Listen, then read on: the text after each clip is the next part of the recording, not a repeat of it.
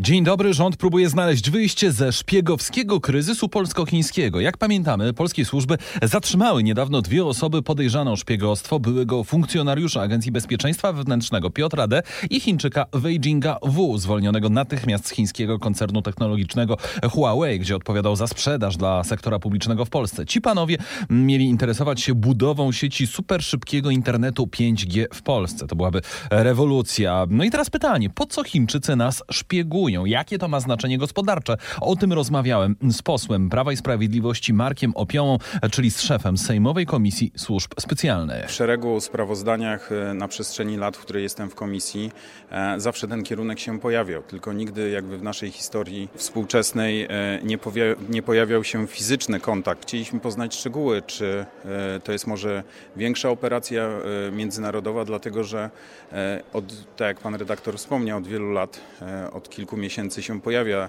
e, właśnie ostrzeganie przed e, chińskim e, wywiadem i różnego rodzaju instytucjami, które oferują sprzęt elektroniczny w tym zakresie. No tak jak tu były przywołane, Stany Zjednoczone o tym alarmowały, ostatnio Czechy też alarmowały w związku z tym no chcemy poznać e, szczegóły. Ten obywatel chiński, który został zatrzymany, zajmował się przede wszystkim wdrażaniem technologii 5G i kontaktami z polską administracją. Takie miało stanowisko w ramach tego koncernu. Po co im to miałoby być? Po co Chińczycy mieliby chcieć nas e, szpiegować? Informacja. Informacja.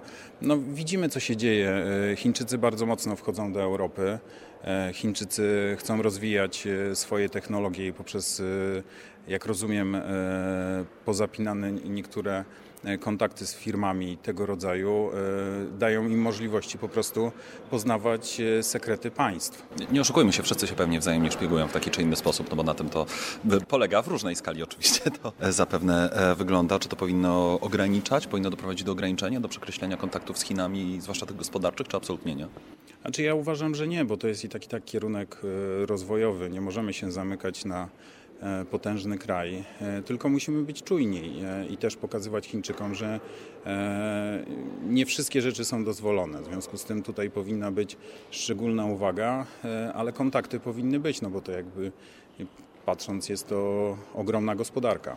Wielokrotnie media się rozpisywały o historii sprzed paru lat, jak ta firma, zresztą nie tylko ona, bardzo chętnie administracji publicznej użyczała pewnego nowatorskiego sprzętu do różnych zabezpieczeń, także przy Światowym Dniach Młodzieży, przy, przy różnych organizacjach powinniśmy się zastanowić, w jaki sposób, od kogo bierzemy sprzęt, po co bierzemy, e, także nawet jeżeli kupujemy sprzęt zagraniczny.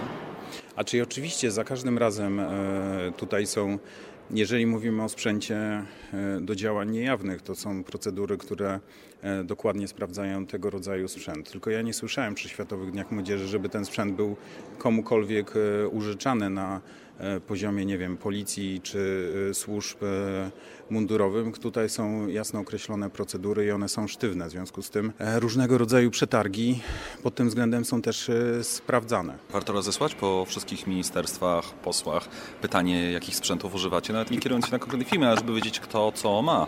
Jakich komunikatorów używamy, to też jest przecież zagrożenie, bo one są z różnych krajów, nie zawsze nam przyjazne. To jest duży temat, szeroki temat.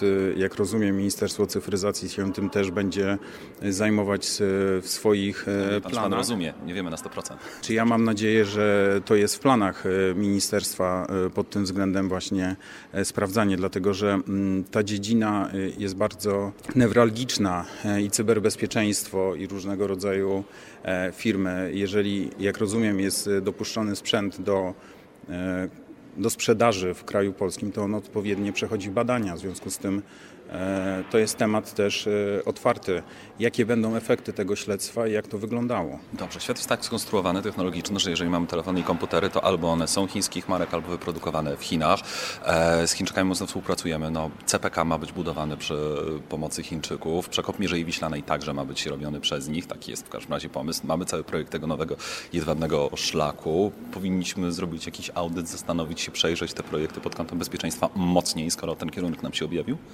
Znaczy ja uważam, że no to bardzo daleko wychodzimy e, i tutaj powinna być e, główna rola e, poszczególnych instytucji, które są odpowiedzialne za bezpieczeństwo kontrwywiadowcze, w tym przypadku Agencja Bezpieczeństwa Wewnętrznego, jak rozumiem, koordynator się też tymi kwestiami zajmuje, żeby te wszystkie względy zagrożenia, o których pan redaktor wspomniał, żeby po prostu minimalizować do zera. To był szef Sejmowej Komisji Służb Specjalnych, poseł Marek Opioła.